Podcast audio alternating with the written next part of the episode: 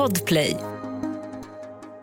Ja, hejsan svejsan, välkomna till podden Off Limit med undertecknad Hans Wiklund och eh, Jonas Nilsson, min parhäst, min, eh, mm, min moaché. Eller det jag som är din? Sa du parhäst eller? Parhäst. Por, inte porrhäst. Parhäst, parhäst det är ju det är en gammal klassiker. Då har man två gubbar, en som står upp och så en som har ansiktet i rumpan på den andra och så klär man in sig i en hästdräkt. Det är det vi brukar göra, fast i intellektuell mening så att säga. Och, eh, Stort tack till ATG som sponsrar oss även den här veckan. Ja. Jag pullade hårt i vinnarhålet Hans. Jag ska berätta att eh, jag har en bra nyhet och en dålig nyhet. börja med den dåliga. Nej, det är samma nyhet nämligen. Den bra nyheten och den dåliga nyheten är densamma. Ja. Vi är här nu. Det här är podden Off Limits och om en liten stund ska vi avslöja det nya namnet på Off Limits och vi ska också konfrontera, nej inte Säpo varför de bytte till en kvinnlig chef just när det ska vara en kvinnlig statsminister snart i form av Magdalena Andersson. Vi, det var ett märkligt sammanträffande. Mm. Ja, men Sossarna vi gör bara, också- vi måste ha en kvinnlig chef och så helt plötsligt så fotar Säpo Claes Friberg och sätter in en dam på posten. Ja, är det visst. inte omvänd genusfiering? Ja, men vi har också en kvinnlig chef här, Lindskov till exempel. ja, det är bra. Men, men eh, vi, ja, vi, vi, det här är ingen skämt nu, utan vi kommer och delge er det nya poddnamnet eh, någonstans mitt eller i slutet på podden. Så att det, det, det på riktigt nu. Nu har vi ett nytt namn och vi, är ganska nöjda med det. Alltså, inte supernöjda, men vi får ju mer betalt. Exakt. Det är lite grann som eh, att vara ordförande för eh, AIK Hockey. Vad man än gör så får man kritik av folk som vet bättre. Vilket namn vi än har valt nu Hans, via Mm. våra glada lyssnare och våra Flashback-trådar och allting, så kommer vi få kritik. Var bara beredd på det. Snart smäller det i den här lilla korsen på Karelska näset 44 och så rullar tanksen, det vill säga Ja, ja Jonas, jag upp. ser hur rädd jag är. Oh, oh, jag skakar. Oh, eller, hur som helst, vi har ett jäkla innehåll idag. hörru. Dels ska vi prata om Afghanistan. Jonas har de senaste rönen. Nu har ju amerikanerna precis lämnat eh, det sista flygmaskinen, flög sin kos. Nu är de helt på sin egen hand, eh, talibanerna Och Joe eh, och det förslavade folket. Joe Bidens kollaboratörer hann inte ens landa i Washington innan vi fick reda på att det finns en ny form av IS. De heter ISK. IS 2.0 va? Exakt, IS Kadoshan och vi ska också avslöja exakt vad Kadoshan är. Ja. Det är ju inte bara en kebabrestaurang i Rosengård, det är ju ett område också. Vi granskar den nya terrorismen Precis. efter det att eh, Bidens marinkår har lämnat eh, Afghanistan. Ja. Och sen ska det också handla om Hitlers favoritfilmregissör. Och då är det inte Richard Hobert jag tänker på, det är inte ens Bergman, utan det är Leni Riefenstahl. Jag ska berätta lite grann om hennes långa och växlingsrika liv och karriär. Det kan bli väldigt spännande faktiskt. Är det inte Ingmar Bergman som i sin självbiografi Laterna Magica berättar att han som ung pojke var utbytesbarn till Tyskland och fick gå då på partidagarna i Nürnberg. Ja. Alltså denna hyllade kulturman anfrätt av brunt förbannat skum. Din släkting Bergman. Precis. Ingmar Bergman var på partidagarna i Nürnberg. Det ska du ta ansvar för. Här har vi arvssynd. Apropå det så har vi också, jag har ju lusläst den senaste BRÅ-rapporten och eh, där står det svart på vitt att om vi bara hade varit svenskar i landet och inte haft några invandrare så hade svenskar varit gravt överrepresenterade vad gäller grova brott. Helt fantastiskt. Har du läst BRÅ-rapporten? Jajamän, Jag tror pärm inte till ens- pärm. Jag tror inte ens forskarna på BRÅ eller någon kvällstidningsjournalist Ja, nu, nu är det dags att dra här. herregud. Nej, dra. Vi ska ju åka. Vi kör ju nu. Släng på det. Så. Hörru du, eh, det var väl allt Hans. Allt ifrån Leni Riefenstahl via raggarna i Arvika som åkte dit för snuten den här veckan och diverse aktualiteter. Ja. Eh, har jag glömt något Hans? Förutom att eh, äta min omega-3-olja. Jag äter ju fiskleverolja så jag kan ha någonting att skylla på. Jag äter ju resinolja själv så jag vet inte. Det är ju, har en helt annan effekt på det där. Jag går undan så att säga. Exakt. Vi kommer också droppa ett riktigt osmakligt skämt någon gång under podden. Kan du hitta det skämtet så vinner du, vad är det man vinner? En t-shirt har vi va? Vi har fått tillbaks merchen nu, vi har ju toppluvor och skit med off limits på. Och de ska vi iväg nu för nu byter vi namn, vi kan inte ha kvar den där Nej, gamla. det är ju bara att slänga. Exakt. Välkommen till podden Off Limits som idag byter namn. Namnet drar vi om en stund faktiskt och eh, allt är som förr egentligen. Jonas Nilsson, Hans Wiklund, hör oss varje vecka. system Ingenting om livet och dess många problem Inte det minsta samhällstillvänt Bara en sak jag länge har känt Nu! Känn dig lite happy, skratta och sjung Det här är din chans att vara ung Ja, välkommen till Låtsasglädjepodden och ditt nattvardsvin en gång i veckan. Det är våran podd. I studion producenten Ingmar Bergmans, nej, Oliver Bergman, Hans Wiklund, Jonas Nilsson. Då säger jag som på olympiaden. Nu kör vi!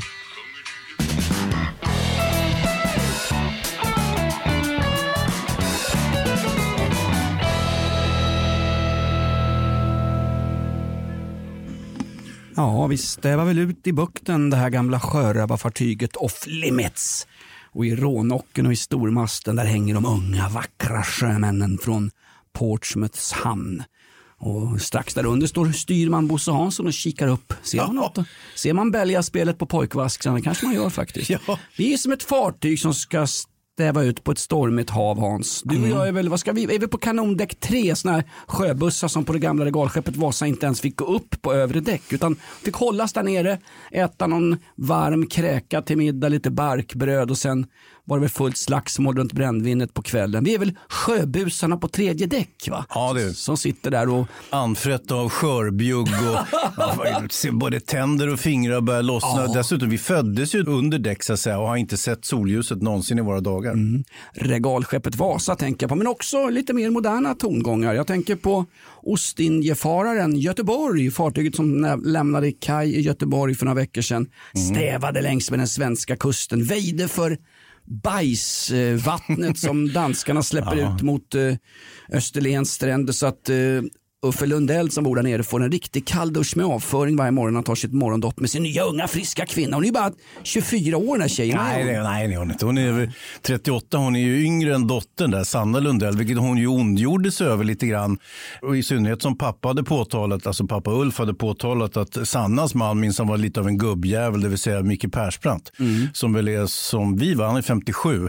Mm, Och då, då är det väl ändå så att det är, det, det är ganska små skillnader. Jag tycker inte vi ska bekymra oss så mycket om ålder. När det är, vem är vi att förneka kärleken Jonas? Vilka är vi att förneka mänskligt liv Hans? Mm. Vi sänder live ifrån Kabul, vi är de sista som blev kvar på svensklistan. Ja, amerikanerna har ju precis lämnat nu när vi, när vi spelar in det här så det är bara du och jag kvar här.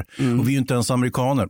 Rätt snyggt sådär. Ann Linde står och orerar om den här svensklistan och sen kom det ut på SVT Nyheter helt okritiskt kom det ut att eh, nu är alla som har jobbat för Sveriges räkning i Afghanistan, de är nu utflugna och är i säkerhet på Arlanda och nu ska de slussas in i det svenska fantastiska bidragssystemet. Välfärdskossan vacklar fram längs den svenska landsvägen. Hon är ganska utkänd. Det är många som hänger i hennes långa sega tuttar och suger mjölk. Ja, det där är bilder som man egentligen inte ens vill föreställa Nej, sig. men jag vill heller inte föreställa mig bilden av att vi fick ut alla som hade jobbat med oss där. Alla andra länder erkänner. Tyskarna sa vi har 1200 personer kvar som inte hann få ut. Jänkarna hade 4000 kvar, britterna hade 800 kvar. Men det var visst bara Sverige då som hade fått ut precis alla vi hade jobbat med. ja. Säger vem?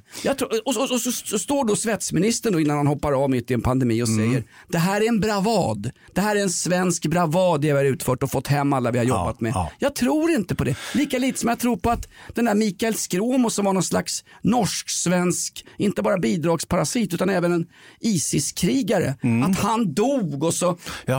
hämtade någon halvdement morfar från en hyresrätt i Gävle, hämtade hem hans barn. Ja. Barnen är oskyldiga. Uh, Ja.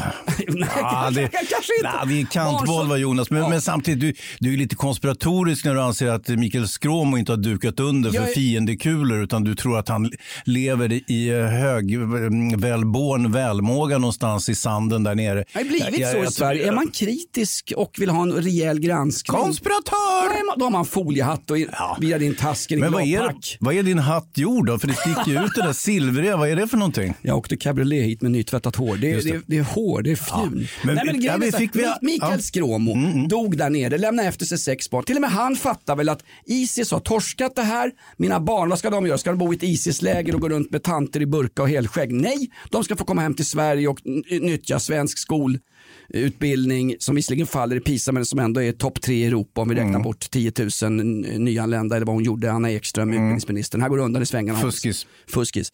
Nej men jag tror inte en sekund, han lever kvar där nere, men det var en perfekt story. Ingen myndighet har sett honom död. Det är Isis-kollegor som har bekräftat att han är död. Och hans morsa, ja hon är ju pålitlig. Hon vill ju hjälpa sina barnbarn att komma hem till Sverige. Och det förstår väl jag också. Ja. Jag vägrar tro att Mikael Skråmo är död innan jag ser hans kropp. Jaha, okej. men den... Ligga ja. på Lider Parade Ja. bredvid Charles de Gaulle i Paris 45. Ja, då får du nog- Jag förstår det. Då får du nog vänta. Men Ja. jag tycker ändå att jag tycker Ann Linde ska ha credit och jag förstår att, att eh, svetsministern varit förbluffad över, över hand, handlingskraften hos utrikesministern. Hon fick hem alla som hade någonting med Sverige att göra. Även en del som inte hade så mycket med Sverige att göra. Då tänker jag närmast på de två personer som greps så fort de kom till Sverige. Det visade sig att ja, det var ju dömda brottslingar. Vad hade de begått för brott då? Ja, det, det har man ju kanske inte gått Nej, ut med. Men har- låt mig, låt mig gissa att, nej, men låt mig gissa att eh, det är ett ganska allvarligt brott för du blir normalt inte utvisad. För de här blev ju faktiskt utvisade på den tiden som det var fritt och frankt att utvisa folk till Afghanistan.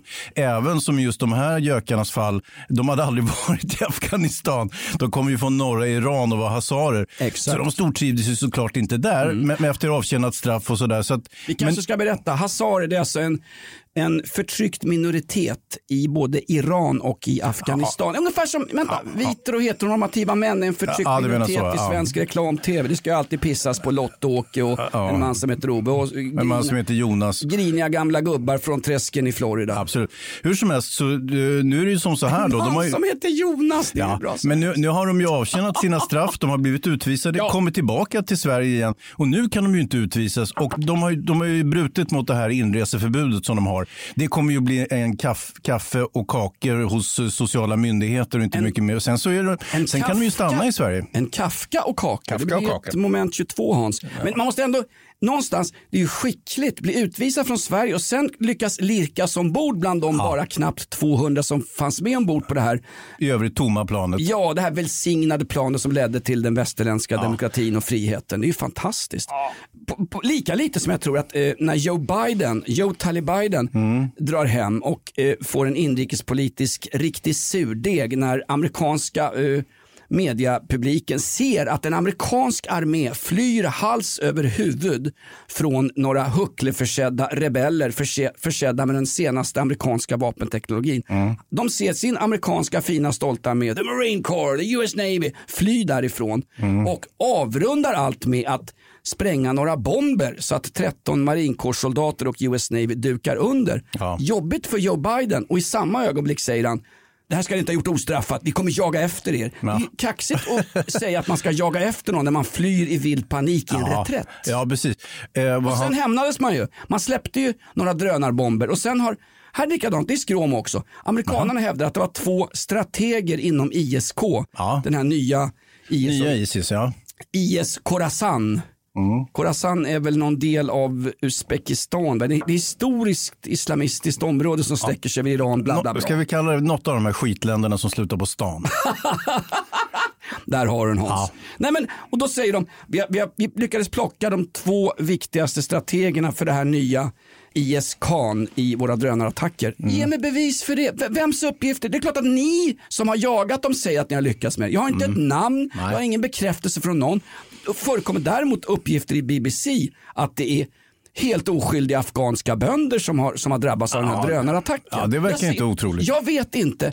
Jag vet knappt vilket kön jag har när jag går in på badhuset på eh, Eriksdalsbadet längre. Och jag vet inte heller, vad, vem ska jag tro på? Vem Mm. ska jag tro på, tro på, tro på när allt är så här? Citat, Thomas baseballträtt Dileva, googla på den. Baseballträ? Nej men jag, jag, jag, jag någonstans, en nyhet blir bara en nyhet, den blir helt okritiskt Ja. granskad. Ja. Jänkarna håller en presskonferens om att de har dödat två av sina största fiender. Säger vem? Ja. Says fucking who? Ja. För att citera eh, Bobby Sands, IRA. Nej, killen du kan som- inte dra upp honom mitt i det här. Det går ju faktiskt inte Jonas. Han sa ju vid rättegången när britterna Vänta, var det han som smetade in hela sin cell med sin avföring? Ja, han är framförallt IRA-terrorist Ja, men, det, kollaboratör. jo, men tänk att han ändå gick till historien som en person som hade tvålat in en hel cell på liksom 30 kvadratmeter med avföring. i Mace-fängelset. Ja. Mm. Nej men han sa ju, eh, says fucking who, sa ju han konstant i, under rättegången. Liksom. Says fucking who. Han, han gjorde som Ceausescu, han godkände ju inte britternas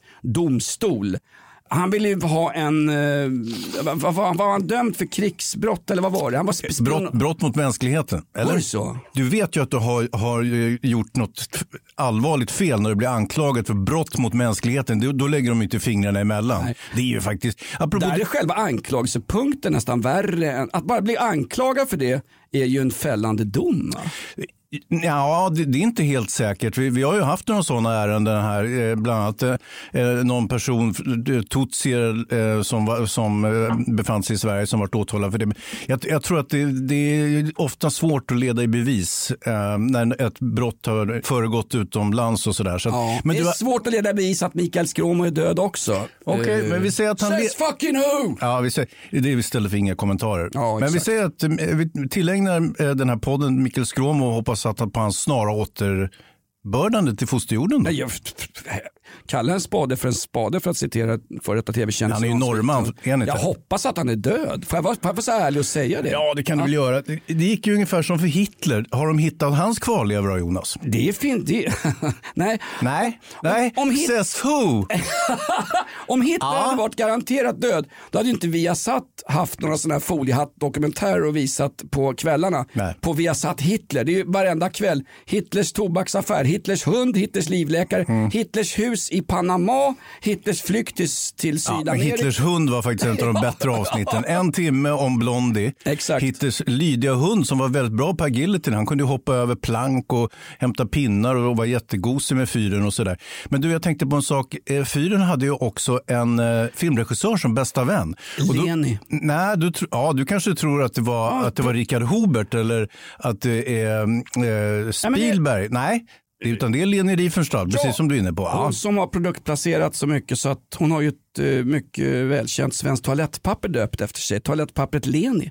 Extra mjuk insida va? Ja, fast nu finns det Leni ett ganska vanligt smeknamn på eh, alltså, olika, eh, både tyska och andra na- namn. Så att säga. Men, men Var det inte hon som levde så förbannat? Hon levde uppe till vår tid. Hon, hon fick någon slags...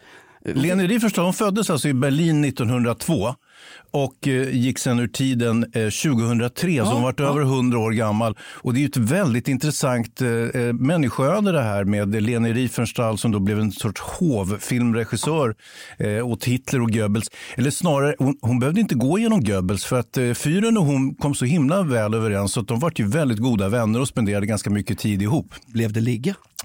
Jag tror att Hitler var ju ganska sparsam med det där liggandet. Han hade ju Eva Braun där och så vidare. Men det finns ju inte heller dokumenterat. Det är som med Mikael Skråm ungefär. Vi vet ju inte Says som har, ja, vad som har försiggått i sänghalmen där. Kanske de smetat in men väggarna vad- på, i Babelsberg med, med avföring. Jag vet inte riktigt. Men Var hon likt en Kalle Moreus? Var han Nej, as- hon är nej, hon- asexuell?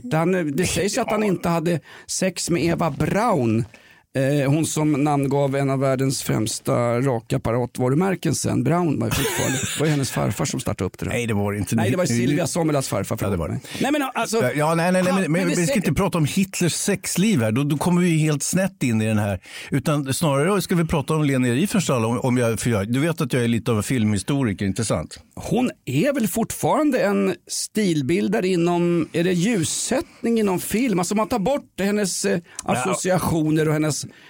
Ja. anknytningar till nazipacket. Ja, det är i och för sig väldigt svårt Jonas. Ja, Hon blev svårt. intimt förknippad med en, ska vi säga, lite negativ ideologi. Eh, nazismen Okej. nämligen. Ja, Så är det. Och dessutom var hon god vän med Hitler. Sådär. Men det var ju så med Leni Riefenstahl att hon, hon var väl aldrig var ju... medlem i nazistpartiet? Jo då. Och hon, jo, var hon. Och eh, hon eh, var ju en framstående simmare som ung och sen blev hon dansös så småningom.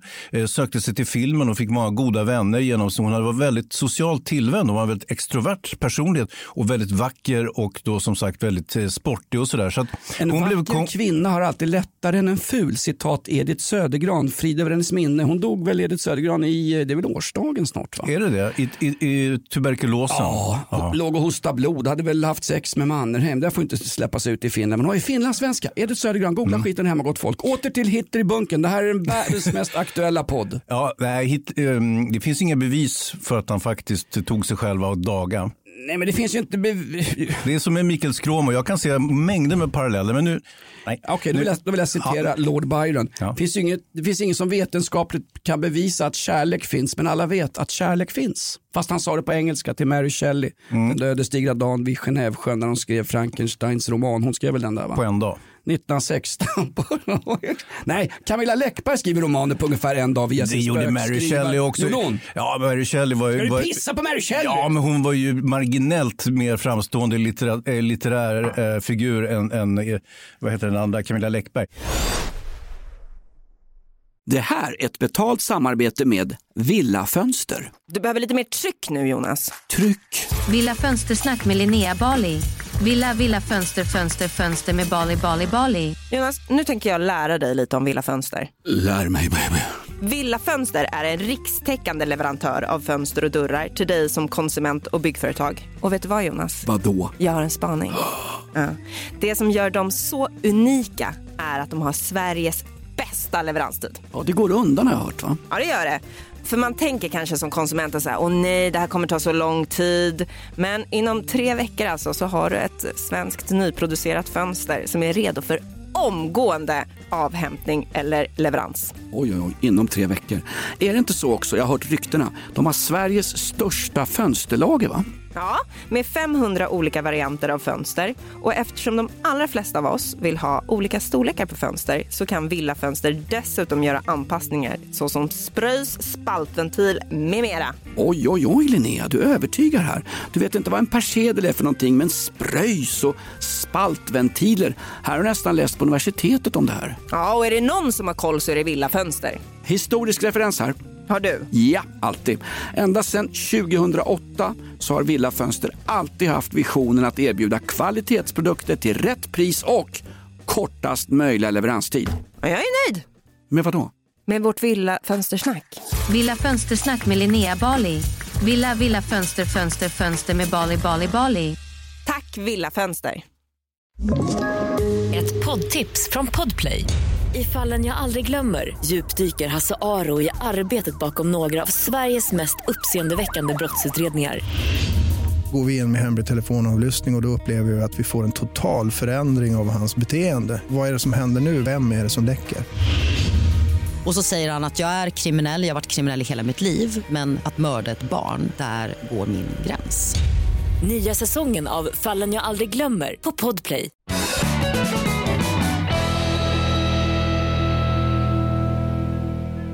Så är det så med Leni Riefenstahl. Hon blir väldigt poppis i innekretsarna i, i Weimarrepubliken på 20-talet.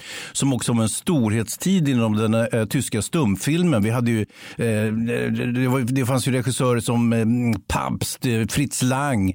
Eh, alltså väldigt, väldigt framstående och också betydelsefulla regissörer för hur filmen kom att utvecklas i hela världen eh, efter 20-talet och stumfilmen. Hon började då skådespela i en del stumfilmer. Och hon, eh, Var hon skådis? Ja, visst. Jaha. Hon, fast, hon fastnade för en genre som lite slarvigt kallas för den tyska alpfilmen som var en väldigt viktig genre eh, under 20 och eh, tidigt 30-tal. Och om man ska försöka förklara lite grann hur de, Var- vad det var för sorts film. Så, Är det filmer där hon visar bergstopparna eller lite sna- naket? Ja, det, det, det kunde det vara. Det kunde det faktiskt vara. Men, men framförallt så var det ju liksom lite cheesy sådana här melodramer i alpmiljö. Det kunde vara någon som hade snöat in i, i någon stuga och så eh, kom det dit någon kvinna på skidor i baddräkt och sådär. Och det, var, ja, men det, det var ofta som det var baddräkt i kombination med skidorna och det är ju så med de tyska alperna att om våren så är det ju ganska behagligt där. Mm. Eh, kan vi kalla det för ett, ett slags det var pekoral, en riddarroman, det enkla folkets nöjen. Lite Stefan och Krister i bikini före kriget. Lite som Lasse Åberg kan man säga. Oh, fy fan, är det på så låg nivå? Ja. Tyvärr Lasse, jag har fribiljetter till Musse Pigg museum. Tyvärr Lasse Åberg, jag kommer inte komma. Nej. Eh, får jag bara fråga, Fritz Lang, var han också en sån här, gjorde han också alpfilmer? Därför Nej. att Fritz Lang är ju mest känd för kriminalfilmen Kling und Lang va? Som sen blev Kling och Klang hos Pippi. Pippi är väl en halvtysk produktion? Ja, det är det ju. Pippi Eh, Långstrump var ju till hälften tyska skådisar. Prussiluskan var väl en riktig tysk vän va? Ja, det var Eva Braun. Det var Det var det, cameo-roll. Die, Die Pusselusken hette hon ju. Ja. Nej, men Dunder Karlsson och Blom spelades av tyska skådisar i de gamla Pippi-filmerna. Det vet jag säkert. Ja, man såg ju ofta att deras munrörelse inte passade 100% med det de sa på svenska. Det var ju ett säkert tecken. Man var inte bortskämd på den tiden. Nej, det var ju samma med, med Tjorven i, i Saltkråkan. Hon var ju inte heller svensk, va? det var ju en tysk unge. Var hon? Tjorven. Ska spelas in som nytt. Ja. Uh, Ja. Kommer ju en nyinspelning. Mm, och redan nu så säger SVT att det ska bli en kulturkram.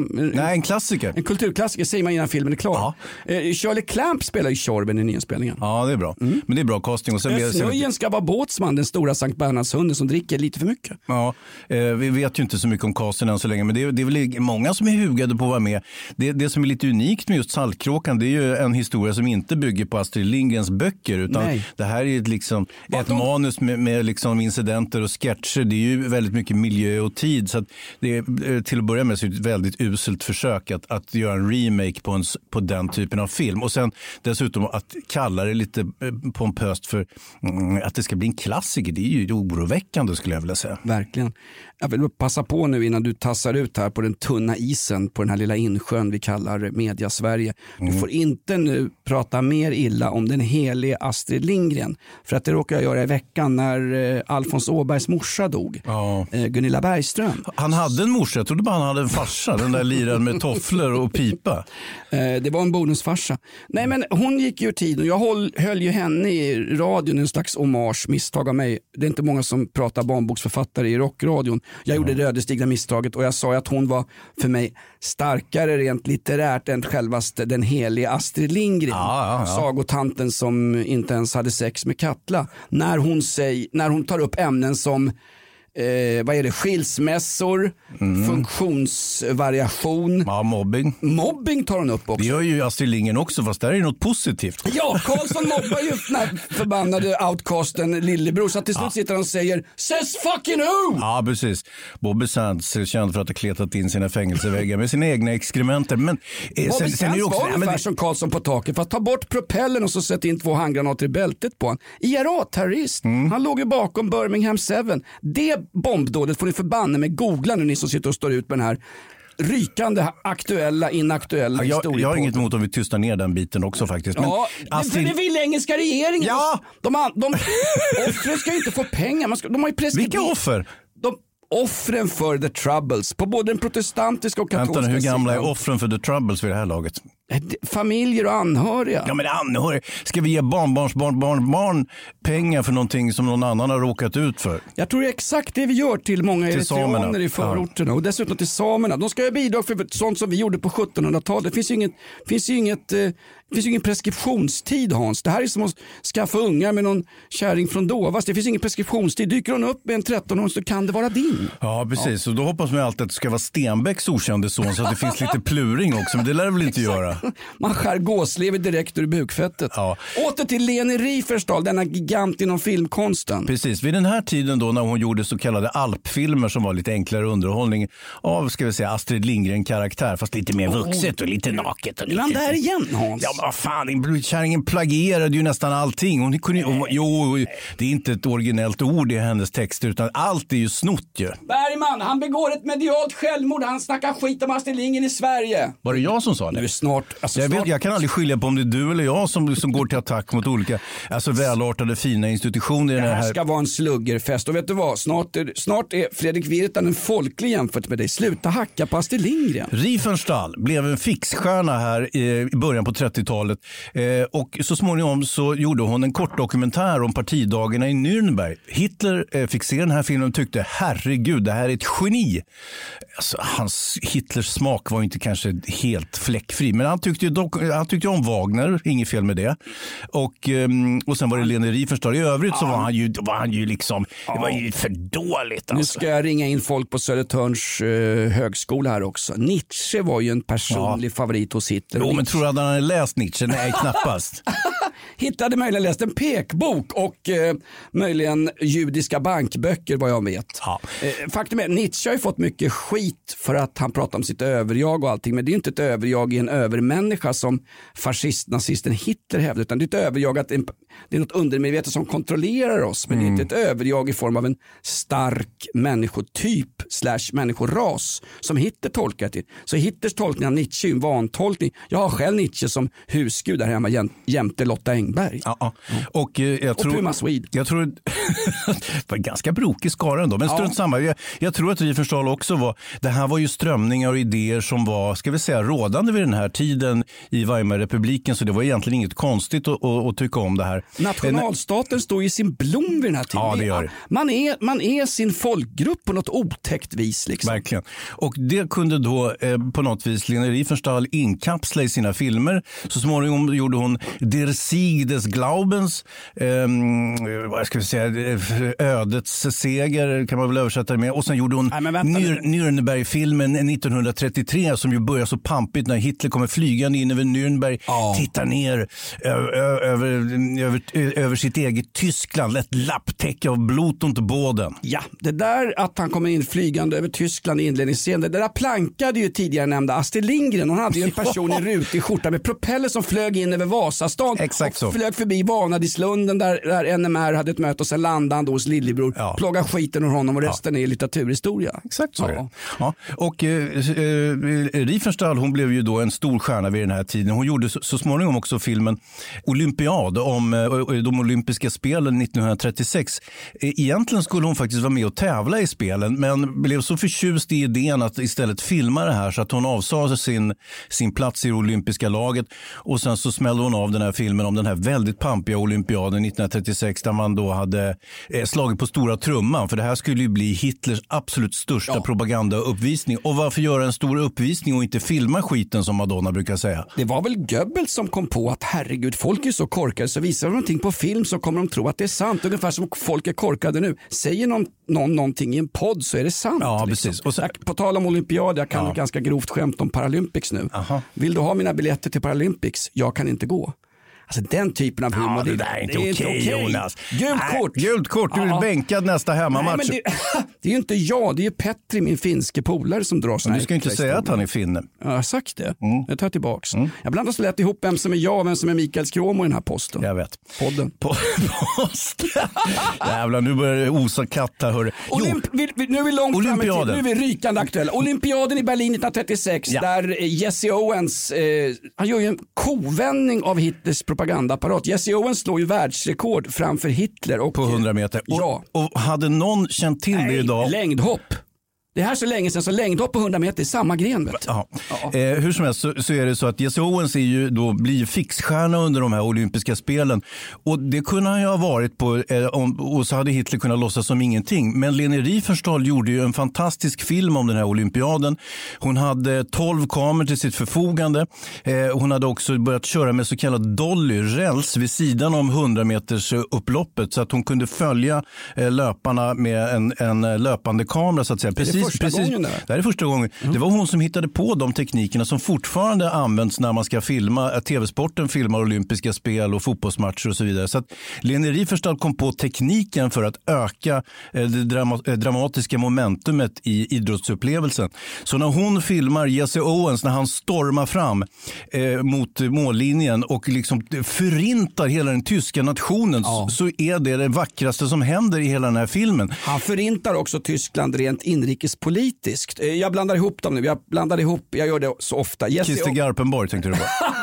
Garpen! Ah. Hässelby-kille, sluta sina dagar nere på Dovas. Ja. Nej, nej, nu blandar jag ihop dem igen. Men han, han fick ju oral galvanism, eh, Garpenborg. Ja, själv har jag anal magnetism. Jag har en skiftnyckel i arslet. Ja, det har jag. jag ser ju det. Den sticker ju ut på ett jävla trist sätt. Jag Men... blandar ihop, förlåt mig, jag blandar ihop Jesse Owens här med Carolina Klüft. Hon var ju längdhopperska och mångkamperska. Exakt. Jesse Owens är en sprinter, förlåt mig. Nej, det är ingen fara, men gör inte om det bara. Nej, det här är Idrottspodden. Hur som helst, så eh, för uppladdningen på 100 meter eh, så har man också en tysk kommentator som hånfullt kommenterar och då säger han Die amerikanische ne och då Säg så fortsätter, det nej jag ska inte säga ordet. ordet, men han sa det på tyska då. Ja. Och, och, och, liksom, Den enda som får säga n-ordet och komma undan med det på riktigt, det är faktiskt i de tidiga utgåvorna. Jonas Gardell. Nej, och, och han får, kommer undan med allt, inklusive dubbelmackor på priden. Men det är ju Astrid Lindgren.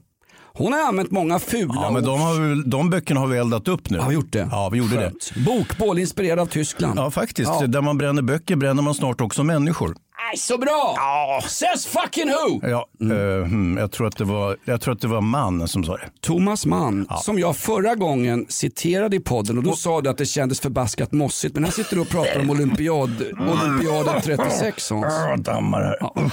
Jo, och eh, så att den här filmen var ju en monstersuccé och även Jesse Owens blev ju då eh, en, en stor nationalhjälte i USA samtidigt. Men icke desto mindre, det var ändå en propagandatriumf för fyren den här filmen. Och Leni Riefenstahl fick en plats på Parnassen. Vid den här tiden så bjöds hon också in av Disney och Paramount i USA för att komma och besöka dem i Amerika. Och det gjorde hon ju också. Var där och Disney- tittade på deras, deras filmtillverkning. Disney, Walt Disney och Henry Ford är stora amerikanska eh, konglomeratägare och eh, företagsskapare som hade ett mycket mycket tvivelaktigt politiskt förflutet. Walt Disney, han satte ju eh, vita tumvantar på Musse Pigg för att han var svart sägs det ju. Och Henry Ford, han skulle bygga en... En bil? Ja, han, skulle, han byggde inte bara en bil, han byggde massa bilar. Han var första som byggde bilar enligt löpande bandsprincipen. Men hade också... En princip som sen togs över av tyskarna när de gjorde pansarvagnar. Exakt. Henry Ford skickade ju tårtor till Hitler när han fyllde år. Bara där skulle han ju raderas från stadsbibliotekets Tänk att han skickar tårta till Hitler, det är ju obegripligt. Man Men kan ju hur, inte skicka tårta med bud, den går ju alltid sönder. och dessutom Jag- skicka från USA, den kan ju inte ha varit i särskilt bra skick när den dök upp i Berlin. Va? Med ett ljus. Med Postnord va? Och sen var det väl Då hade de då- slängt tårtan i skogen först. Vi får, skojar vi med Postnord Hans, då ringer alltid någon och säger jag jobbar som brevbärare på Ja, Postnord många år. Det, det är inte mitt fel. Det, Nej, det är, och det är kollega- inte deras fel. Det är min kollega som Petris fel. Det är min kollega som kastar paketen i skogen, det är inte jag som gör Ja, precis. De ska väl dela ut posten förresten varannan dag nu, Postnord. Och jag frågade mig när jag hörde det där, vad är skillnaden? Ja. Va? Ja, men det är så gnälligt i det här landet. När de sa att de skulle sätta upp brevlådorna lite längre bort så folk skulle behöva gå liksom 75 meter för att hämta sin post. Det var ett jävla liv. Liksom. Ja. vad är det för krav? Tänk om vi tänk- bodde i Afrika. Får aldrig någon post. Men tänk dig att du behöver gå 75 meter och bo i ett utanförskapsområde. Då kan du få en skottsalva efter för lupen kula tänker du? Fyra skjutningar i Stockholmsförorter bara.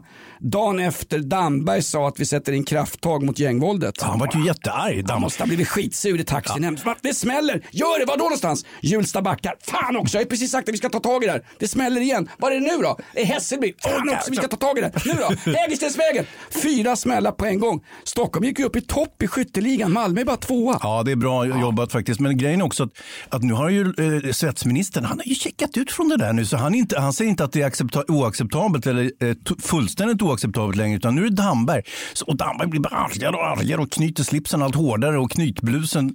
Nej, det är inte han som har knytblus va? Jo, det är han som Det har ja. knytblus. En mental knytblus. Tar han över Damberg eller blir det Magdalena Andersson? Det ska ju vara en kvinna Ja, här. det ska det vvara. Men grejen är, jag får citera Guillou, vad som helst utom Morgan Johansson och Damberg, för de jävlarna ljuger ju om Ja, allting. läste du det? Ja. Jan Guillou kallar dem för citat, notoriska lögnhalsar. Ja, ja. Jag är för att man kan skoja i en podd. Eh, nu är podden Off Limits på blodigt allvar. Så blodigt så att Tampax går in och vill sponsra oss. Nej. fa- faktum är att kalla ministrar för notoriska lögnhalsar. Jo, men han är ju inte ute och far helt och hållet. Ja, men jag tycker ändå att det är liksom, då skapar vi en debattnivå som är lägre än off limits och då är det här för, landet förbannat illa ute. Det är, en, det är en del av polariseringen, Jan Guillou och hans jävla penna. Jo, men- Gör som Lars, Lars Vilks, skicka ut den med badvattnet. Han har gjort sitt. Ja, jo, jo, så är det. Men jag tycker också att Vad är det för skillnad? Grejen är att vi tappar existensberättigande om liksom haft norm- normala journalister säger vidriga grejer än vad vi gör i podden, eller hur? Jo, men det, kan, du, det är oacceptabelt. du kan inte Jag är jämföra. argare än Damberg nu. Du kan inte jämföra en generalrepetition på Kungliga Dramatiska Teatern eh, rent journalistiskt med en trottoarskraparpodd som, som Off Limits. Det som är så illa åtgången när vi får mail och Och så illa producerat. Nej men vi byter ju namn nu Hans. Ja, vi gör ju det. Ja. Vad ska vi heta? Leni Riefenstahl-podden. Där har du mig. Exakt. Triumf des Willes, det är ju inget dåligt namn på en podd. Nej. Viljans triumf. Ja. Eh, Får jag fråga dig Hans, du som har filmkunskap och har till och med eh, dejtat, eh, inte dejtat, men du är ute och käkat middag med Cameron Diaz här i Stockholm. Ja, inte det en dejt. Nej, okej då. Behöver du en privatchaufför på efterfesten så ställer jag gärna upp. Du har ingen körkort och ingen bil, Jonas. jävel på skottkärran vet. Ja, hörru, Ja, du. jag kanske inte har körkort men jag har tillgång till Mikaelas Volvo SUV. Ja, det har du. Men du, får jag avrunda historien? Den, den är långa och, eh, ska vi Jag säga... fråga en sak. Den här, de här filmerna, de här tyska propagandafilmerna. Mm. Känner du till, visades de på svenska biografer? För det var, ju, det var väl ansett redan då som propagandafilmer för en jävligt äcklig regim. Så är det. De förbjöds i USA faktiskt. Är det- är det så? Ja, det gjorde Okej. de. Men eh, i Sverige så visades ju allting. Vi var ju mer eller mindre pro-tyska i Sverige ska Ja. du veta och eh, vi hade inget problem med det. Sen Det var blev till och med så att Gustav V tog tyska mark för att bli tagen i prutten av Ann Heiby. hennes sista film under Nazityskland hette Tjuvlandet och eh, handlade om romer. Då hade hon ju brist, Oh. brist, ja, jag vet. Och då hade hon brist på skådespelare varpå hon åkte och kastade i koncentrationslägret, plockade ut valfria romer som fick spela rollerna. För att så fort filmen sen var klar så skickades de med vändande post tillbaka in i koncentrationslägret. Så att, och det var, väl, det var väl hennes lågvattenmärke så att säga i karriären när hon gjorde detta. Sen så, Men hon gick ju fri efter kriget. Hon Jag- fick, fick någon slags halv, ungefär som Sara Leander, kommer hem, gör avbön, hade bränt alla stålar och försöker komma tillbaka till sin ordinarie kulturella verksamhet. Och, mig veterligt så, så släppte hon väl filmer som man än kan prata om Lene Riefenstahl trots sitt blåbruna förflutna. Absolut. Alltså, när jag läste filmvetenskap så då hyllades hon och med rätta. Och jag, jag, och jag är väldigt förtjust i hennes filmer och hon har haft ett enormt inflytande. Mm. Inte bara på tv-sporten och Bosse Hansson utan även på filmkonsten. Men, kan men, väl tillägga att du läste filmvetenskap i Frankfurt 1942. Jo, så är det ju. Men, men hur som helst, så, eh, krigslyckan vände ju tråkigt för Hitler. Eh, Lene Riefenstahl hamnade i onåd och eh, hon åtalades så småningom för brott mot mänskligheten. Nej. Ja, som Bobby Sands ungefär. Okej. Ja. Says fucking who? Precis. Eh, och, eh, men hon gick fri för att man ansåg att hon hade dragits med i det allmänna, att hon var så kallad följare, det vill säga var inte en initiativtagare till, eh, till, till förintelsen och så vidare. Men andra tyckte att hon var instrumentell när det gällde förintelsen tack vare propagandafilmerna som skapade en miljö, en, stam, en stämning i samhället som, som banade väg för På det. samma sätt som att man inte kunde låsa in varenda jävel som hade varit nazist. För då hade ju den västtyska staten som skulle bildas inte kunnat fungera. Varenda polis och varenda polisbataljon var ju infiltrerade nazister. På samma sätt som nu, inte ens talibanerna kommer ju låsa in alla som har kollaborerat Nej, med men västmakterna. För då skulle, ju sam, då skulle ju samhällsbygget i Afghanistan haverera. Förlåt mig, rättning mitt åt. Det har havererat. Ja, det har, jag tror inte de bryr sig så mycket om det när det väl kommer till kritan, när, när pöbeln får styra. Men Hörde ja, grejen är så här, hör, men- på tal om Afghanistan, hörde du han Olof Skog som toppdiplomat, han har väl aldrig sett ett par jeans ens den här karln. Han är gift med Sveriges ambassadör i Brasilien. Olof Mhm. Skog, han är EUs särskilda sändebud just nu till, eh, beträffande Afghanistan. Han sa i någon ödesmättad intervju i veckan, det viktiga just nu är att vi inser att vi måste, vi måste förhandla med talibanerna. Mm. Men snälla Olof Skog, det går ju inte.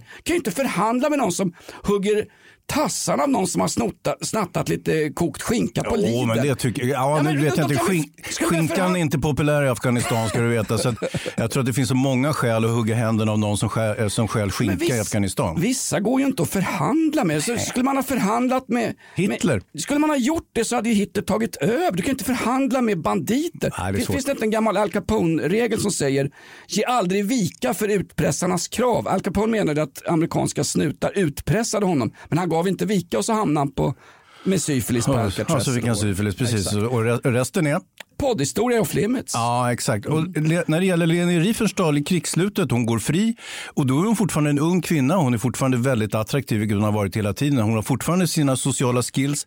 Objektifierar du just nu en kvinna? Hon, ja, det gör jag. Och, av ett skäl också. För att hon själv var väldigt intresserad av, förutom eh, filmteknik, så var hon väldigt intresserad av estetik och, och den mänskliga kroppen. Både den manliga kroppen, kanske i synnerhet den manliga kroppen, men även den kvinnliga kroppen. Eh, hur man ljussatte den, hur man filmade den, hur man fotograferade den. Så småningom så började hon helt och hållet gå över på stillbildsplåtning faktiskt.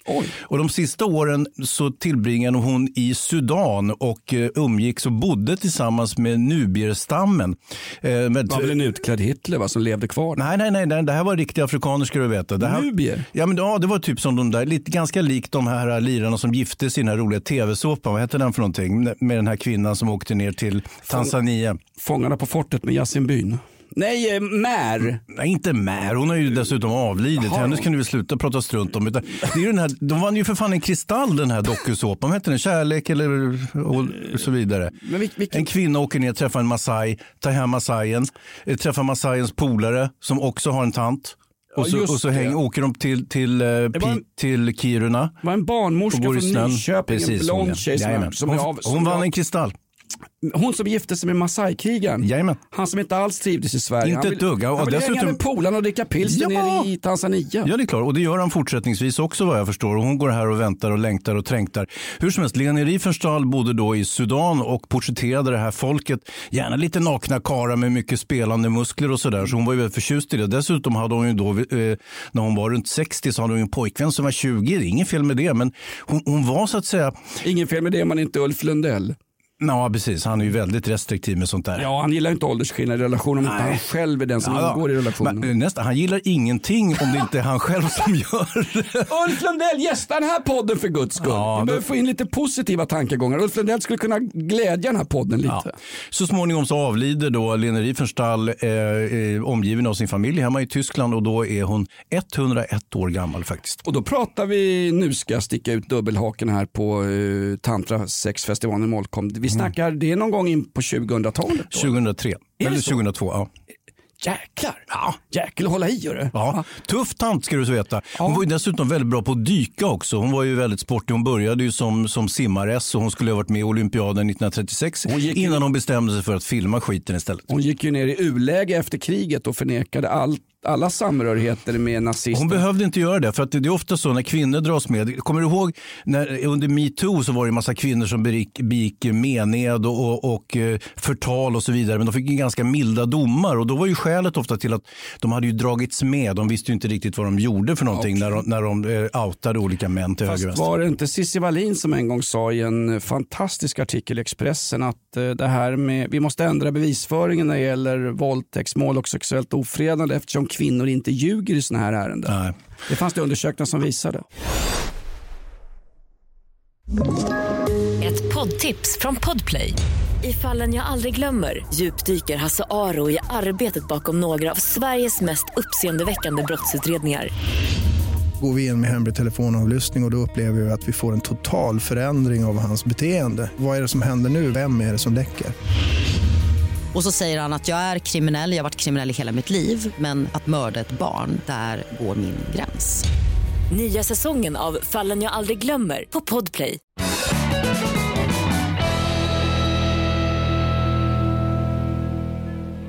Hur gick det förresten på tal om folk som ljuger och inte ljuger? Jag ska, jag ska släppa både Bobby Sands och Mikael Skråmo. Mm. Men du, eh, han Kinnaman, det är märkbart tyst om de anklagelser som han utsattes Ja, för. vad hände med det? Vad är Mia Skäringer och, och, och Eva Röse och allihopa som brukar rally up när det är någon man som har begått eh, en våldtäkt eller liknande? A- a- anklagats för att begått en våldtäkt. De För det brukar, de brukar inte skilja på det. Okej, det blev i alla fall dödstyst om, runt Joel Kinnaman. Han som för övrigt är aktuell som farbror Melker i nyinspelningen av Saltkråkan. Ja. Va- vad hände med det? Det blev dödstyst. Den här tjejen, Belle Davis hette hon va? Mm, ja, hon hette ju inte det, men, men eh, hon hette ju något svenskt. Det var ju artistnamnet. Ja, var på från- samma sätt som att du heter Morgan. Ja. På samma sätt som att du heter Morgan och jag heter Ola-Conny i den här podden. Exakt precis. Men det är för att ingen ska hitta oss. Vi skulle ju ligga jäkligt pyrt till om det folk visste vilka vi faktiskt är. Ja, men fast Eller vad? Dig vet man ju lite grann vad det är Hans. Du har ju lett bland annat eh, Lyckohjulet på TV3. Du har ju ett kändisförflutet. Ja, jo, jo, jo, du tänker så. Men det där är så länge sedan. Det går så fort nu så att kän- kändis det man. Det brinner av på en sekund. Det är ju som, eh, som i salig åminnelse. Vad hette han, Factory-grundaren Andy Warhol sa att eh, det är bara tio minuter av, av eh, kändisskap man har att förfoga över ungefär. Och mina tio minuter de har gått, passerat och försvunnit all världens väg. Jag tror inte ens att det är tio minuter längre för att eh, på TikTok... Tio sekunder. Ja, tio sekunder och sånt det är där. Det är som en normal ejaculationsscen på någon amatörporrfilm. Du, jag läste BRÅ-rapporten förresten Jonas. Jo. Jag visste Ja, det har ju kommit en ny. Senast var väl, kan det varit, 2005 man kom med en rapport. För det finns ju ett väldigt behov av vissa krafter i samhället. Ska vi säga att de står lite till höger ut? De vill ju gärna veta hur det ligger till när det gäller fördelningen av grova brott mellan invand så kallade Vänta, invandrare vänta. och svenskar. Är det här som kallas sanningen som har mörkats i alla år? Det är eller? den. Jajamän. Är det? Jajamän. Så, och och uh, ute till vänster som är inte alls så sugna på någon rapport. Man tycker så "Nah, det där från 2005, den gav ju vid handen att det fanns en viss överrepresentation bland invandrare. Och, eh, det var, och sen så angav man då socioekonomiska skäl till det. Och, och, och sen var det fine så att säga. Men Våldsbrottslingar har alltid rekryterats ur de lägre samhällsklasserna. De samhällsklasserna som jag är sprungen nu. Jag och människor som Bobby Sands, Mikael Skråmo och den förbannade Olof Skog, diplomaten som ska förhandla med ja, talibaner. och Adolf Hitler. Says fucking who! Ja. Adolf Hitler var ju, ja kan man säga Ja, också. kan man säga. Ja. Hur som helst, han nu ringer också. Hej killar, är precis utanför med DN-gänget. Är ni snart klara eller? Eh, nej, Bergman. Äppla Bergman. Alltså, han- sitter här och han ger ju tutten till DN-podden efteråt. Vi får klara oss själva Hans. Det är vet i och för sig skönt. Vet du vad han sa Bergman? Den här podden är Bergman är vår producent kan man väl säga. För, ja. släkt med Ingmar Bergman. Ja, på han, sin mammas sida. Ja exakt, det är ju han som är förlagan till Gycklans afton, klassisk Ja, Bergman. det är han som är barnet till Persona.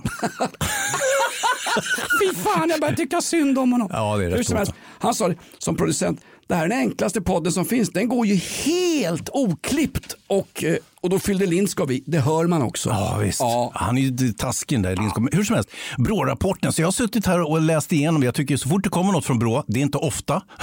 Nej. det är mycket, mycket folk som jobbar där, men de får inte jäkla mycket ur händer om man ska vara, helt, om man ska vara en, en smula kritisk, vilket vi tenderar att vara. Nej men alltså någonstans, du kallar det kritik, jag kallar det vaksamhet va? Eh, när Erwachnetet, Aufwachen, Aufwachen. eh, Leni Riefenstahls första film, hon visar alptopparna i en stumfilm. Hur som helst, det är roliga när Brå släpper en rapport så vet man att några dagar efteråt så sitter alltid Jerzy Sarnecki och förnekar och ska förklara vad den här Brå-rapporten handlar egentligen om. Därför att det som vi fick fram i Brå-rapporten var ju så jävla obehagligt så det kan liksom inte den breda populasen, allmogen kan ju inte ens ta in det för då blir det för jobbigt Ja. och då blir det liksom fullt på stadens toaletter och Ja. eh, laxermedel säljs för fullt. Ja, det fin- det finns ju han egentligen- måste alltid liksom fintolka Ja. och, och, och, och Jo, han men- gör som Edith Piaf, La Vie en Rose. Han målar allting lite grann i rosa för att sanningen är fan med för jobbig. Precis, men du hade ju, jag vet ju, jag har jobbat med Leif GW Persson och han har ju alltid tyckt att, jag, han tycker också att det räcker med den där utredningen från 2005 för att en ny beställd rapport från Brå kommer att säga ungefär samma sak. Det vill säga att det finns en överrepresentation. Det som stack ut lite var väl att eh, de så kallade invandrarna som är födda i Sverige med två utländska föräldrar, men de var är väldigt överrepresenterade vad gäller grova brott, vad gäller mord, rån, misshandel och så vidare. Sexualbrott vara- har man, har man kan- undvikit den här gången för det gjorde man en separat eh, Brå-rapport om. Hur som helst. Nu är jag lite grann som Tommy och Annikas pappa i Pippi Långstrump. Jag går Vänta in nu. här och avbryter Hur lite fan grann. är hans pappa? Hur nu? Är, man- det, är det Al som Alfons pappa? Är det han som har tofflor? Nej, tofflor det har ju Mikael Skråmo när han sitter på något värdshus i Kandahar och lever livets glada dagar och läser Expressen på nätet om Och skrattar. Hans, vad, Barnbarnen, hur, går för, hur går det för mina barn? Exakt. Nej men någonstans när du säger invandrare födda i Sverige, det är en kontradiktion i sig. Alltså, Mm. In, begreppet invandrare som används ganska slarvigt av Brå måste jag tillstå, det är ju en person vars bägge föräldrar är utrikesfödda. Men då är man inte ens invandrare, då har man invandrarbakgrund. Ja, det, För är du född i Sverige eller i vilket land som helst så är du förbanne med svensk. Kanske inte kulturellt, men du är svenskt Ja, du har ett svenskt pass helt du enkelt. är svensk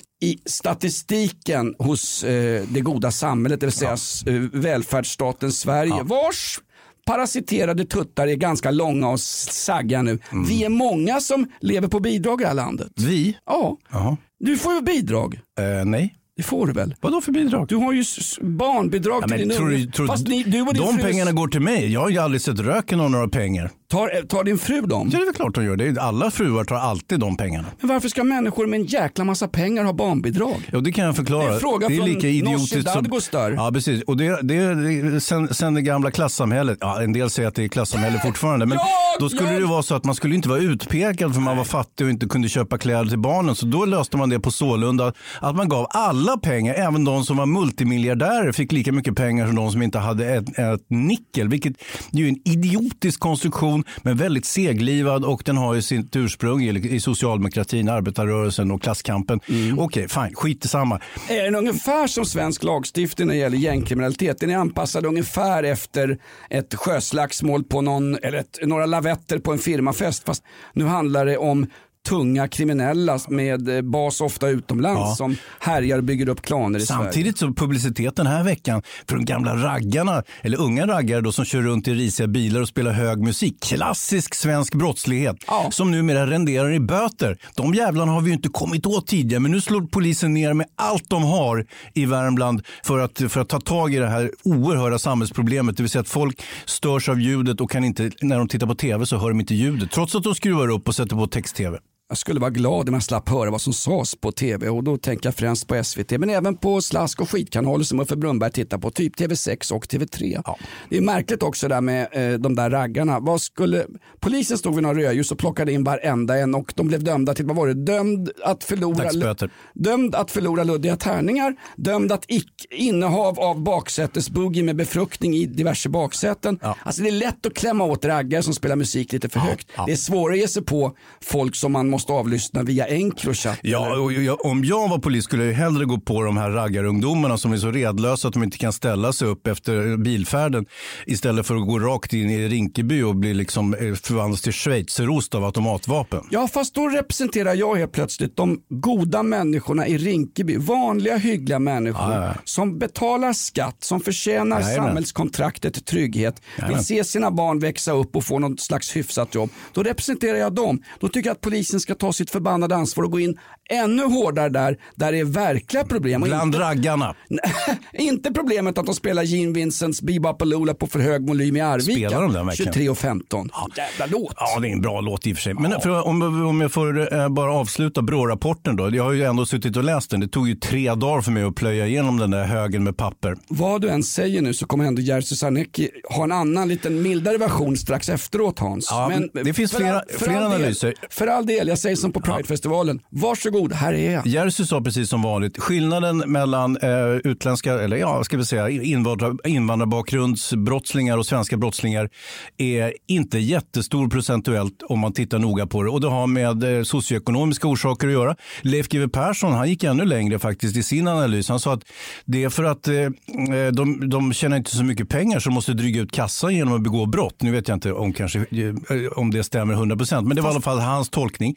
Sen fanns det ju Aftonbladets Jonna Sima, du vet, hon, den här rosenrasande kommunisten som skriver där. Hon ansåg ju att det var miljardärerna i Sveriges fel. Det finns allt fler miljardärer, men inte tillräckligt många om man jämför med de socialt utsatta. Det vill säga att de socialt utsatta blir då avundsjuka på miljardärerna, vill ha deras pengar och därför skjuter de varandra. Det var ju hennes analys så att säga. Okej, så konklusionen här om jag som vanlig sketen löneslav ska sammanfatta det här. Mm. Det handlar alltså om att folk som inte har pengar begår brott för att få pengar. Jajamän. Okej, och brottsoffren är i mångt och mycket de, De som själva har såklart. pengar. Nej, Ja. nej, nej. De, det är de som inte har några pengar. Den här BRÅ-rapporten, Ja. när kom den? 1521? Eller? För det här är ju Gustav Vasa-teser från början. Ja, visst Han började så. in, införa riksskatt, att de rikaste skulle betala skatt till det allmänna, det vill säga då Gustav Vasa. precis. Men det är också- Vi är aktuella här Bergman, snacka Vasa, kommer Bergman springande vet du. Gustav Vasa, vad säger du nu då? Ah, hörru. Nej, men sen, sen kan är, få en talroll i en stumfilm Bergman. Tjena. Grejen är också att eh, det är därför det egentligen är lite onödigt med ytterligare BRÅ-rapporter. Om det nu är så att de är överarbetade på BRÅ, vilket jag i och för sig inte tror att de är. Så de kan ju lika bra göra någonting. Och då, jag menar, vilken skada gör det? Kommer det att utma, utnyttjas av de bruna brunskjortorna att eh, statistiken ser ut så här? Nej, för de hade nog tänkt sig att statistiken skulle vara ännu skarpare och ännu mer slagsida åt folk med invandrarbakgrund och eh, i relation till, till grova brott. Så, där. så att, jag tror de är en smula besvikna och är, är du som Göran Greider nu? Du kallar alltså den borgerliga oppositionen Brunskjortor. Du kallar den borgerliga oppositionen för brunskjortor. Bara så att det blir så väldigt enkelt att förstå. Liksom. Ja, För Hanif det, Bali och dem. det är socialdemokratisk retorik nu. Är du massmördare eller socialdemokrat? De skyllde ju Breivik-attentatet på den borgerliga regeringen i stort sett. På den svenska Ja, på borgerliga den svenska borgerliga regeringen. Ja, till, och med, till och med jag som har börjat träna med Annie Lööf alltså. Ja, ni går på samma gym. Ja. Det, oh, men det har ju inte undgått någon jävel. Du lägger ju ut bilder på er två så man blir ju irriterad. Ja, Mikaela måste ju vara galen av svartsjuka där hemma när du står, står och liksom Lite- sniffar med din näbb i hennes röda fina hår. Jag ska citera Peter Berg, en polare till mig. Lite svartsjuka får fart även på det tristaste av swingerspartyn. Mikael är inte ett dugg sur. Hon är ju... eh, Hon är inkluderande. Nej men hon kommer ju inte ut ur källaren vet du. Jag är låst från Nej, utsidan. låst, ja. Nej men jag råkar träna på, jag nämnde det i radion. Ja, du råkar träna. Det, Tjuvlånade min sons satskort. Säg nu Hans för fan, säg inte var någonstans. urkundsförfalskning kallar jag sånt för. Va? Urkundsförfalskning. Ah, ah.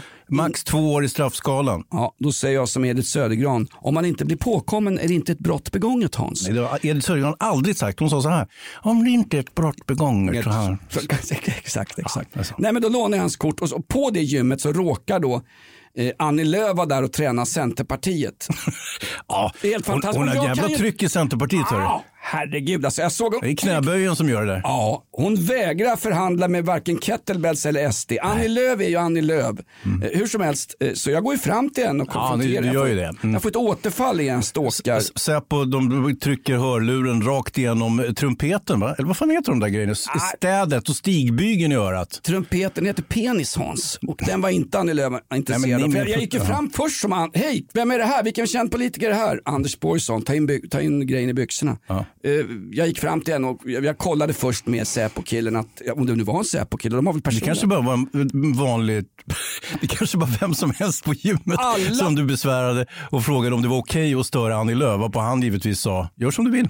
Nej, han sa ingenting men jag gick fram lite snabbt bara, passerade henne och tog en bild som jag sen fick ta bort därför att Erik blev ju skitförbannad. Din grabb. Tjuvlånar du mitt satskort farsan? Ja, det är ju jag som betalar för det. Och så klev jag in och var Erik och kunde träna på sats när mitt eget gym var stängt. Ja. Ja. Men ska inte, vi ska inte prata om Nej, inte prata om Annie. Lööf därför att eh, Det kan bli dålig stämning. Ja, exakt. Hon, hon pratar ju inte med Hon pratar ju inte om dig. hon pratar ju inte med ytterkantsmänniskor, eh, varken rent politiskt, ytterkantspartier. Hon vägrar ju prata både med SD och V. Hon pratar ju, skulle aldrig ens, hon skulle, inte ens, lägga hon en, med? hon skulle inte ens lägga en brakprutt i min munhåla tror jag. För fan vad äckligt. Varför, varför var du tvungen att dra upp den bilden? Ja men alltså hon var ju allmänt besvärad av att jag konfronterar henne Ja men konstigt. En person med obehaglig uppsyn som närmar sig med sin svettdoftande t-shirt och sina säckiga munkbyxor där paketet står ut på ett tråkigt sätt. Det är klart man blir nervös. Det är inga munkbyxor, det är stafylokockerna som har kommit tillbaka. Alltså. Jag går på behandling på SÖS. Nej, men grejen, och du kan kalla mig äcklig och vid och så. Men, men, vet, du vad, vet du vad Hans? Nej. Du och ditt borgerliga anhang som får bidrag. vet du vad? Vet du vad? Här ska du få sanningen. Barnbidraget är du tänker på nu. När valåret kommer, Ja. då är jag värdefull. Då ska jag pratas med och då ska man vända sig till vanligt folk. Men när vanligt folk som jag, en backstusittare med kanske inte alla tänder kvar i käften, går fram och vill ha en liten selfie, då är man äcklig och då får man inte prata. Jag gick, ju fram till, jag gick fram till Daniel Heldén. Han, stod, han hade gjort ett jävla torg av en gata inne i stan där jag bor. Som han gör. Och så blandat med cykelbanor. Så jag gick fram och jag såg ju stryk, stryktäckan var. Han trodde jag skulle fyra av en vänster höger. Men det gjorde jag Men aldrig. du, du, har ju, du har ju ett utseende som en kvinnomisshandlare. Det är kanske är därför folk väjer när du kommer gående på stan. Hans. Du är inte bara andedräkt. Han har ett sånt utseende. Han ser ut som en pensionerad eh, MC-klubbsmedlem mer eller mindre. Och han driver ju en, en, eh, liksom en, en trafikpolitik i Stockholm som är ju mer eller mindre gangsterartad. Och nu, nu vill han gå vidare till rikspolitiken. Han är inte nöjd med att ha fuckat upp Stockholm för all framtid. Nu ska han gå vidare. och, nej, det här är ju för jäkligt. Bra, kan de göra en rapport på den här skiten? Den här personen alltså, Daniel Heldén som här min kollega Hans Wiklund hänger ut ungefär som han vore den värsta raggan med tasken ute i baksätet på en Buick i Arvika Jajamän. sent en kväll med hög musik på stereon, plockad av snuten. Han är stadsborgare. Trafikborgarråd. Trafikborgarråd i Sveriges huvudstad Stockholm Mhm. och eh, han har väckt ont blod. Han är resolut, han genomför saker och nu ska han in som du säger i rikspolitik. Ja, precis. Så nu kommer man implementera eh, elskotrar, kommer att vara mandatory i hela landet. Så vi kommer att ha fler eh, elskotrar än medborgare i landet. Det vill säga någonstans kring 11 miljoner om man räknar styvt. Och sen så eh, eh, ta bort E4 och bygga en jävla cykelbana. som kan, eh, så det kommer se ut som Kina på 1960-talet här snart. Kina som, vad är de säger, öppnar ett kolkraftverk var dag. Vi kan ju ha vilka miljökamper som helst där hemma med Daniel Heldén i spetsen och försöka få en bilfri innerstad. Vi sabbar vår ekonomi samtidigt som Kina fortsätter att förpesta den här jorden. Ja, vi kommer inte kunna leva på den här jorden om 20-30 år. Dels fått Nej, vi, vi kommer inte kunna Nej, leva. Vi, vi, jag vi, fått ligger, ju- vi, vi ligger som aska i maskmat då Jonas. Vad fan vad bryr du om det? Och sista fem åren går man runt med artros och då är vården helt fullbokad med långcovidare, de där gnällspikarna. Ja, exakt. Och är det inte det så är det fibromyalgi och, och, och gått in i väggen. Och allt. Ja, Fan, håller på att gå in i väggen Jonas. Folk som hittar Jonas, på... jag håller på att gå in i väggen här. Vilken vägg? Du, du bara pratar på. Det är som att jag inte betyder någonting för dig. Det här är ju obegripligt. Du betyder du är den allt. sämsta vän jag har haft. Okej. Eh, Tog jag i nu? Nej, men jag, vem fan var det som sa så? Jag har hört det din bästa vän? Ja, faktiskt min enda vän. Faktum är att vi ska, vi ska byta namn på podden. Ja, det är väl lika bra det så folk inte känner igen oss överhuvudtaget. Det är märkligt, Oliver Bergman, demonproducent som nu sitter i studion. Jag vill ställa en konfrontativ fråga till dig här faktiskt. Varför byter vi namn på podden till det nya namnet när podden går bättre än någonsin? Vi slår rekord på rekord, jag och Hans Wiklund, min eh, marscherande kamrat i detta dödsregemente i podden Off Limits. Varför byter ni namn? Svara Oliver! Vi vill ha, det, jag, jag tycker att det är lite uppfräschning. Det är lite kul. Men hur ska du kunna uppfräscha upp det här? Du ser ju vad du har framför dig Bergman, för tusan. Det, här, det är ju vrak, det är ju kronvrak som sitter här. Rigor Mortis som fortfarande kan röra sig lite grann. Alltså, en uppfräschning, bra. Det är ungefär som att sätta nya blommor på en massgrav. Det är alltså det det handlar om. Ja, jag har ett sista förslag då på vad den ska heta. Eftersom vi har pratat om den gamla eh, nazifilmaren Leni Riefenstahl. Triumf des Willes och att vi behåller den tyska titeln istället för att ta den svenska viljans triumf. Vi är faktiskt, eh, senaste mätningen, vi är en av de minsta poddarna i Tyskland. Inte en enda tysk lyssnar på den här podden faktiskt. Och det ska vi vara glada för, Ja. kunna bli stämda. Absolut alltså. En som lyssnar på oss och som jag vet eh, har en stor portion humor. Mm. Det är kulturmannen och eh, journalisten. Han är ju samma yrkesgrupp som du och jag Hans. Ja, du tänker på Greider va? Jag tänk, hur visste du det? Ja, men jag har en du vill alltid prata om Göran Greider. Du, du har ju några. Bosse Hansson, gamla tv-sportlegenden. Va? Jaha, har jag nämnt honom? Ja, Okej. eh, åtminstone en gång varje gång. Och sen så eh, Greider och sen har du några andra, Edith Södergran och, eh, några sådana där som folk inte har en aning om vilka det är. Göran Greider, vem fan vet? Ja, han är i och för sig med på tv jämt. Det roliga med Göran Greider, han är konstant inbjuden i den här objektiva panelen i Godmorgon världen på P1 på söndagar. Han är inte helt objektiv. Han är inte helt objektiv. Men vet du vad? Någonstans, jag, jag om någon på riktigt är för den totala åsiktsfriheten. Vare, vare sig det gäller sågningar av den här podden på Flashback och tro mig, de sågar oss mer och mer och mer. Jag får skit på Flashback-tråden off limits inne på radio podcast-tråden. Du får beröm Hans. Va? Du är inget komiskt geni men du är ett förbaskat bra komplement var det någon som skrev. Till ett komiskt geni. Det var jag som skrev det. nej, men faktum, är, faktum, är, nej, men faktum är att Göran Greider, han och jag tycker inte lika, men jag har full respekt för hans åsikter och så måste det vara i en fungerande demokrati. När jag hör att tidigare nämnda Jan Guillou kallar två svenska ministrar för notoriska lögnhalsar, då vänder jag mig emot det. Jag tycker Ja. det är riktigt obehagligt. Men- men samtidigt- han, han ja. som pratar om att retoriken i samhället har förändrats, Mm. det är prat från vissa politiker som gör att andra begår terrorråd. Tjena Guillou, vem är du själv nu då? Ja, han, måste ju, han måste ju hänga med i det, liksom det hårdnade samhällsklimatet. Han måste ju också uttrycka sig drastiskt. det? Eh, Förra Hänga gången, med, ska jag skaffa en- förra gången han var tuff åkte han ju in på kåken. Och det, och det och för sig, nu, nu skrev han ju en krönika. Förstå, det är 70-tal. Nu skrev, nu skrev han ju en krönika också om eh, tolkarna som har hjälpt den svenska militären i Afghanistan. Hjälpt militären att förlora och sen kallar de dem för kollaboratörer också. Så att, vilket ju är en gammal andra världskrigsterm för de som hjälpte nazisterna. Så att i Guillous inre så är de här eh, tolkarna egentligen eh, landsförrädare. Då. Jan Guillou om någon bidrar till ett hårdnande samtalsklimat i det offentliga rummet. Exakt det han anklagar andra Ja, för. Som börjar- den här tjosan tjosan Nu börjar, podden. po- nu börjar det damma här. Vad är det som dammar? Jo, det är för gammalt. Ja, rulla igång Jenny Riefenstahl-filmen, vi behöver något aktuellt här vet du. Triumf des Willens. Nej men jag ska bara... Vilka jävla förtexter hörru. Kolla. Det är ingen förtext, det är en förhud vet du. Det är ju sån vecka nu. Jo, jag hade en grej om Göran Greider. Han släpper en ny diktsamling och det här ska inte bli något kulturbråk. Nej med- men spela upp skiten och få höra.